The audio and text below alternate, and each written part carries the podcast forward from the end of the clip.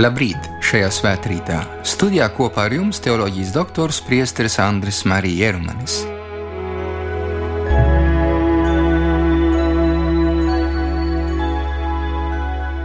Lasījums no Mateja Evanģēlija 5. nodaļas 38. panta līdz 48. pantam. Jūs esat dzirdējuši, kad ir sacīts: aci pret aci un zobu pret zobu, bet es jums saku, Jums nebūs pretīm stāvēt ļaunajam, bet kas tev sit labajā vaigā, tam pagriez arī otru. Un kas ar tevi grib tiesāties un ņemt tavus svārkus, tam atdod arī apmetni. Un kas tevi spiežiet vienu jūdzi, ar to paēd divas.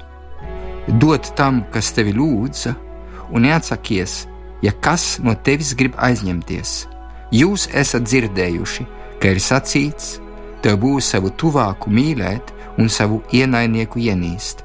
Bet es jums saku, mīliet savus ienaidniekus un lūdziet Dievu par tiem, kas jūs vajā, ka jūs topat sava debesu tēva bērni, jo Viņš liek savai saulē uzlēkt par ļauniem un labiem, un liek lietumlīt par taisniem un netaisniem.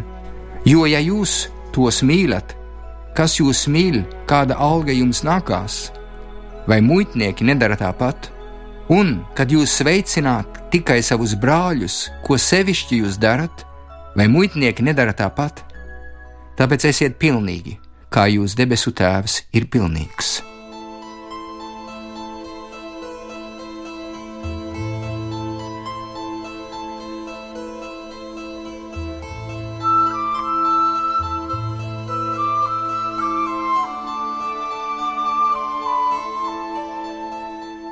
Lai izprastu šīs svētdienas evaņģēlija eh, vēstījumu, ir vērts ieklausīties biskupa Boļislava Sloskana rakstītā vēstulē no Maskavas cietuma 28. Eh, gadā. Biskups raksta saviem vecākiem: Dārgie vecāki, jūs būsiet uzzinājuši no avīzēm par manu apcietināšanu. Beidzot, pēc sešiem mēnešiem man ir dota atļauja rakstīt jums. Es vienmēr mīlēju sludināt šos Jēzus Kristus vārdus, bez dieva ziņas, pat neviens mats nekrīt no jūsu galvas, un jūs nevarat pataisīt nevienu matu, ne baltu, ne melnu. Tagad ir noticis tas, ko Dievs vēlās vai pieļauj, lai tas notiktu. Tas viss ir mūsu labumam. Pēdējos 15 gados nekad neesmu saņēmis tik daudz žēlastību kā savos piecos cietuma mēnešos. Cietums ir vislielākais un viskaistākais manas iekšējās dzīves notikums, kaut gan Es dziļi nožēloju, ka nevaru turēt svēto misiju. Dārgie vecāki, lūdzieties par mani, bet tikai bez bēdām un izmisuma, lai jūsu sirdis atverās visā tuvāk mīlestības pilnībā. Es esmu tik laimīgs, jo tagad esmu spējīgs mīlēt visus cilvēkus bez izņēmuma, arī tos, kas nav nekādu mīlestību pelnījuši. Tie ir visnelaimīgākie. Es lūdzu jūs, neļaujiet iezakties sirdīs kaut kādam rūkumam vai atriebības jūtām Ja mēs atļausimies kaut ko līdzīgu, tad mēs nebūsim vairs īsti kristieši, bet gan fanātiķi. Es esmu notiesāts uz trim gadiem, vēlreiz lūdzu jūs, lūdzieties!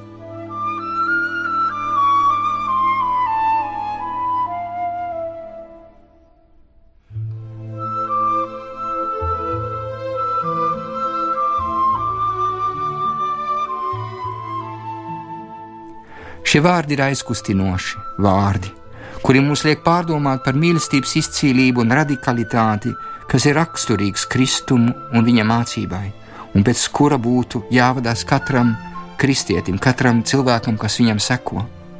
Kristus mūs aicina pārkāpt pāri mūsu šaurajai taisnīguma izpratnē, pēc kura mēs vadāmies ikdienas dzīvē, lai apvienotu taisnīgumu ar žēlsirdīgumu Jēzus mums atklāja, ka nav īstas taisnības bez mīlestības. Bieži vien apstājamies pie pāri darītā un nespējam ieiet atdošanas garā, un nespējam izlīgt ar to cilvēku, ko uzskatām par mūsu ienaidnieku. Bieži vien nespējam saskatīt otrā cilvēkā arī dieva radītu cilvēku, ko dievs arī mīl un vēlās izglābt. Mums ir vieglāk viņu nomalnot, viņu iznīcināt, jo tad ir vieglāk nepiekopt atdošanas garu. Jēzus mīlestības radikalitāte atklājās īpaši tad, kad mirstot krustā, viņa pēdējie vārdi ir: Tēvs piedod viņiem, jo nezina, ko dara. Tur atklājās šīs dienas evaņģēlīja piepildījums, Jēzus jau runā par sevi: esiet pilnīgi, kā mans debesu tēvs ir pilnīgs.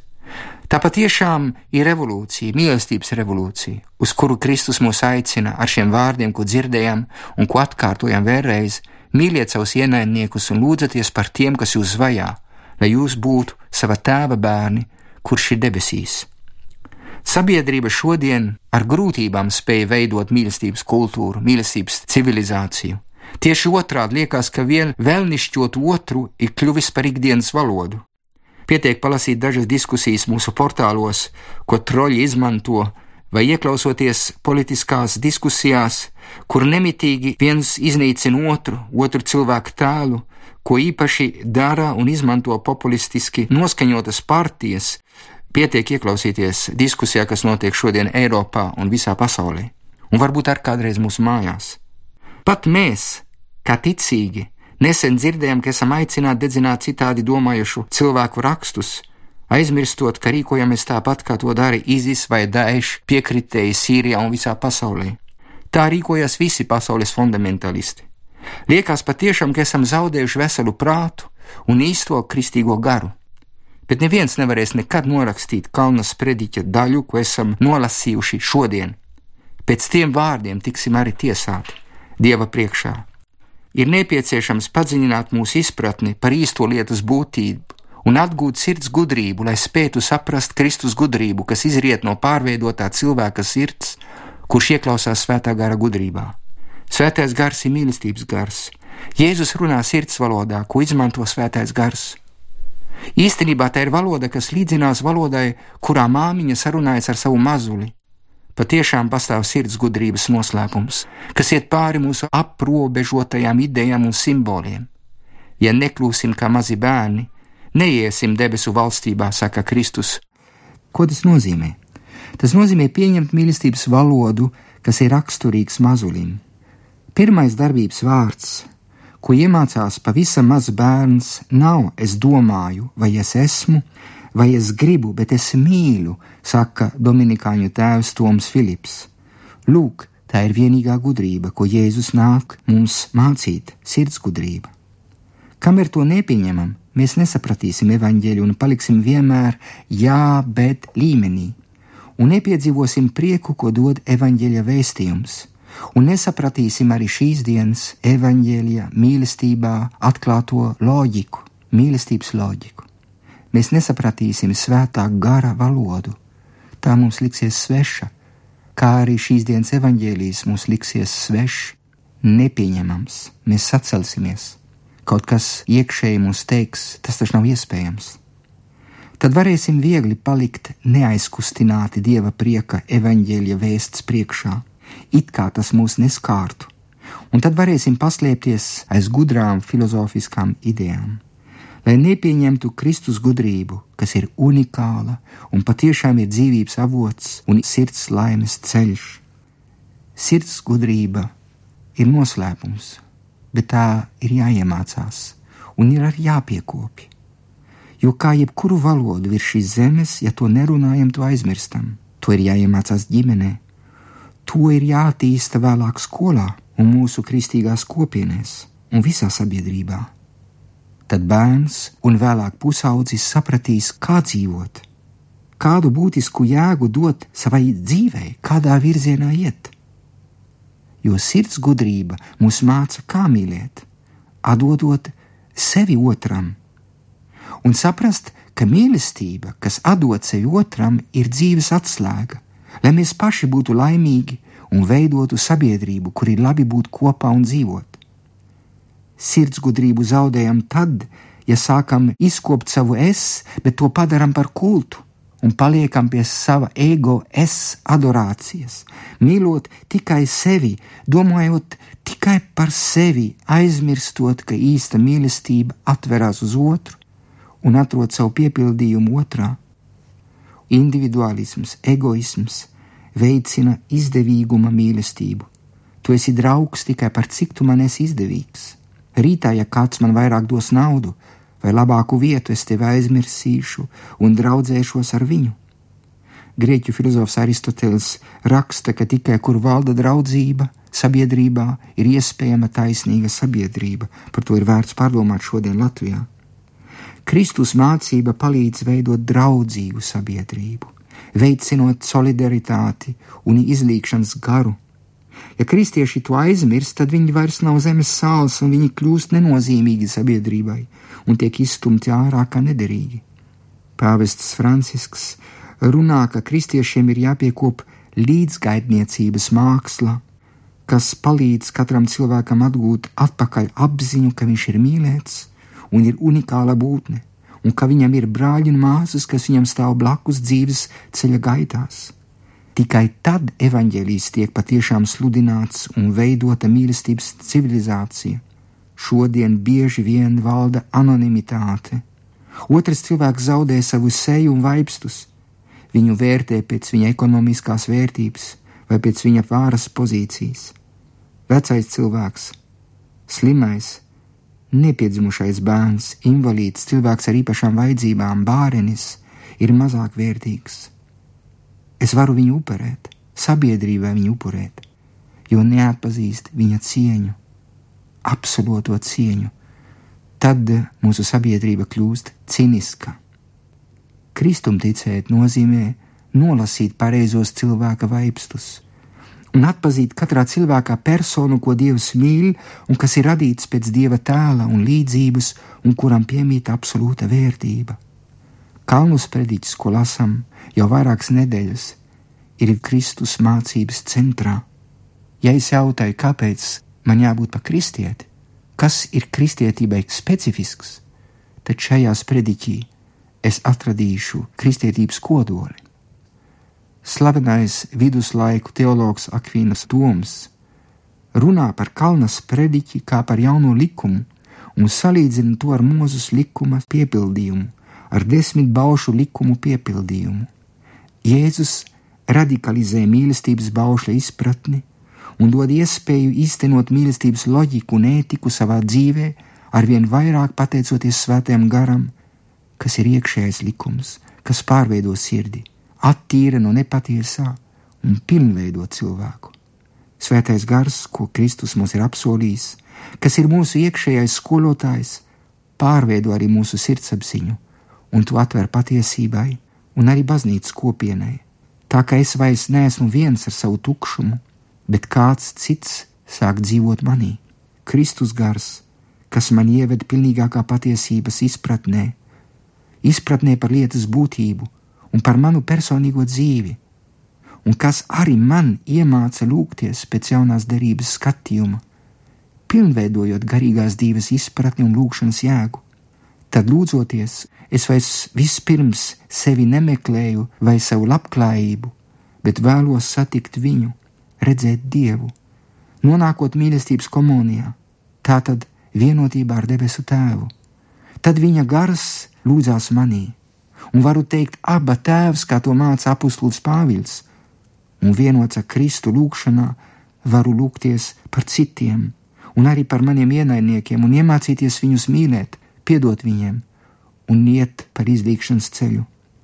Lai pārmainītu sabiedrību un to padarītu cilvēcīgāku, un tas arī šodien ir īpaši vajadzīgs mūsu Latvijai, tad atcerēsimies, ka pirmie kristieši izmainīja Romas impēriju 300 gadus vēlāk, pēc Kristus nāves un augšāmcelšanās, novedot pie verdzības sistēmas nosodīšanas un atstāšanas. Tāpat Amerikā nevaram aizmirst, ko Mārtiņš Luters Kings spēja izdarīt ar mīlestību, cīnoties par Amerikas afrikāņu tiesībām. Ieklausīsimies viņa teiktajā, jo tas patiešām parāda kristīgās mīlestības spēku, ko katrs labas gribas cilvēks var saprast. Mārtiņš Luters Kings raksta: Persona, kas tev visvairāk ienīst, tai kaut kas arī labs. Arī nācija, kas tev visvairāk ienīst, tai arī kaut kas labs. Arī rasa, kas tev ienīst, tai arī kaut kas labs. Un tad, kad tu esi nonācis līdz tam līmenim, kad tu vari redzēt uz katra cilvēka vaipstiem tas, kas ir viņā, un ko reliģija sauc Dieva tēls, tad tu sāc mīlēt visus. Viens cits veids, kā mīlēt tavu ienaidnieku, ir sekojošais: ka tu vari viņu iznīcināt, tad tas ir tas brīdis, kad tev jāpasaka, es to nedarīšu. Jo tad, kad tu pacelies mīlestības līmenī, mīlestības skaistuma līmenī, mīlestības spēka līmenī, vienīgā lieta, ko tu vēlies izdarīt, ir neiznīcināt cilvēku, bet gan sistēmu, kas ir ļauna. Bieži vien cilvēki ir kā iekrituši sistēmā, no kurienes viņi vairs netiek ārā, bet tu turpini mīlēt šos cilvēkus, jo tu vēlies, lai šī sistēma sabruktu, bet ne jau lai cilvēki sabruktu, kas tur dzīvoja. Naids pret naidu tikai palielina naidu pasaulē un ļaunumu pasaulē. Ja es tev ievainu un tu man ievaino, ja es atdodu sitienu un tu man atdod sitienu un tā tālāk, ir skaidrs, ka tas turpināsies mūžīgi. No vienas puses, kādam jābūt skaidrai apziņai, un tā būs visstiprākā personas atbilde - mīlēt arī savu ienaidnieku, un tādējādi salauzt šo naida ķēdi, ļaunuma ķēdi. Tad, kad kādam ir pietiekoši ticības un ētikas, lai salauztu šo sistēmu, ienesot tajā sistēmā lielāku spēku, mīlestības spēku. Ja ar šiem vārdiem mēs vislabāk varam arī nobeigt šīs pārdomas par šīs svētdienas evaņģēļu, kas ir patiešām pārsteidzoši mīlēt savu ienaidnieku, lūgties par viņu, jo tikai tā mēs varam būt pilnīgi. Āmen!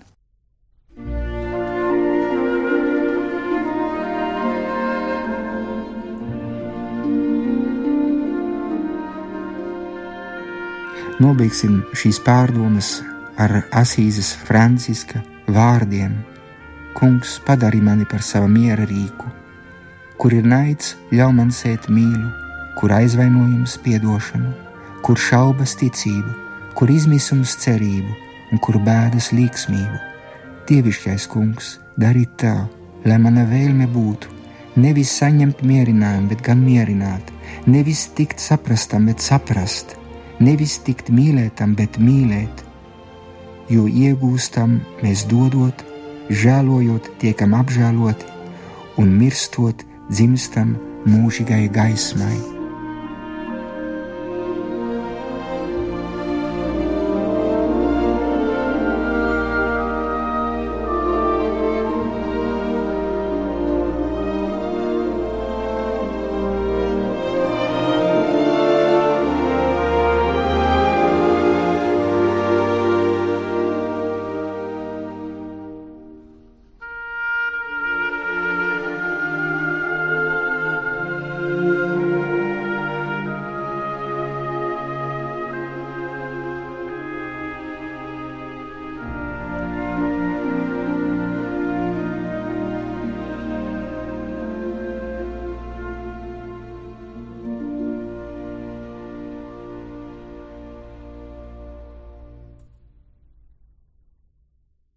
Svētrītā kopā ar jums bija teoloģijas doktors Priesteris Andris Marija Jerumanis.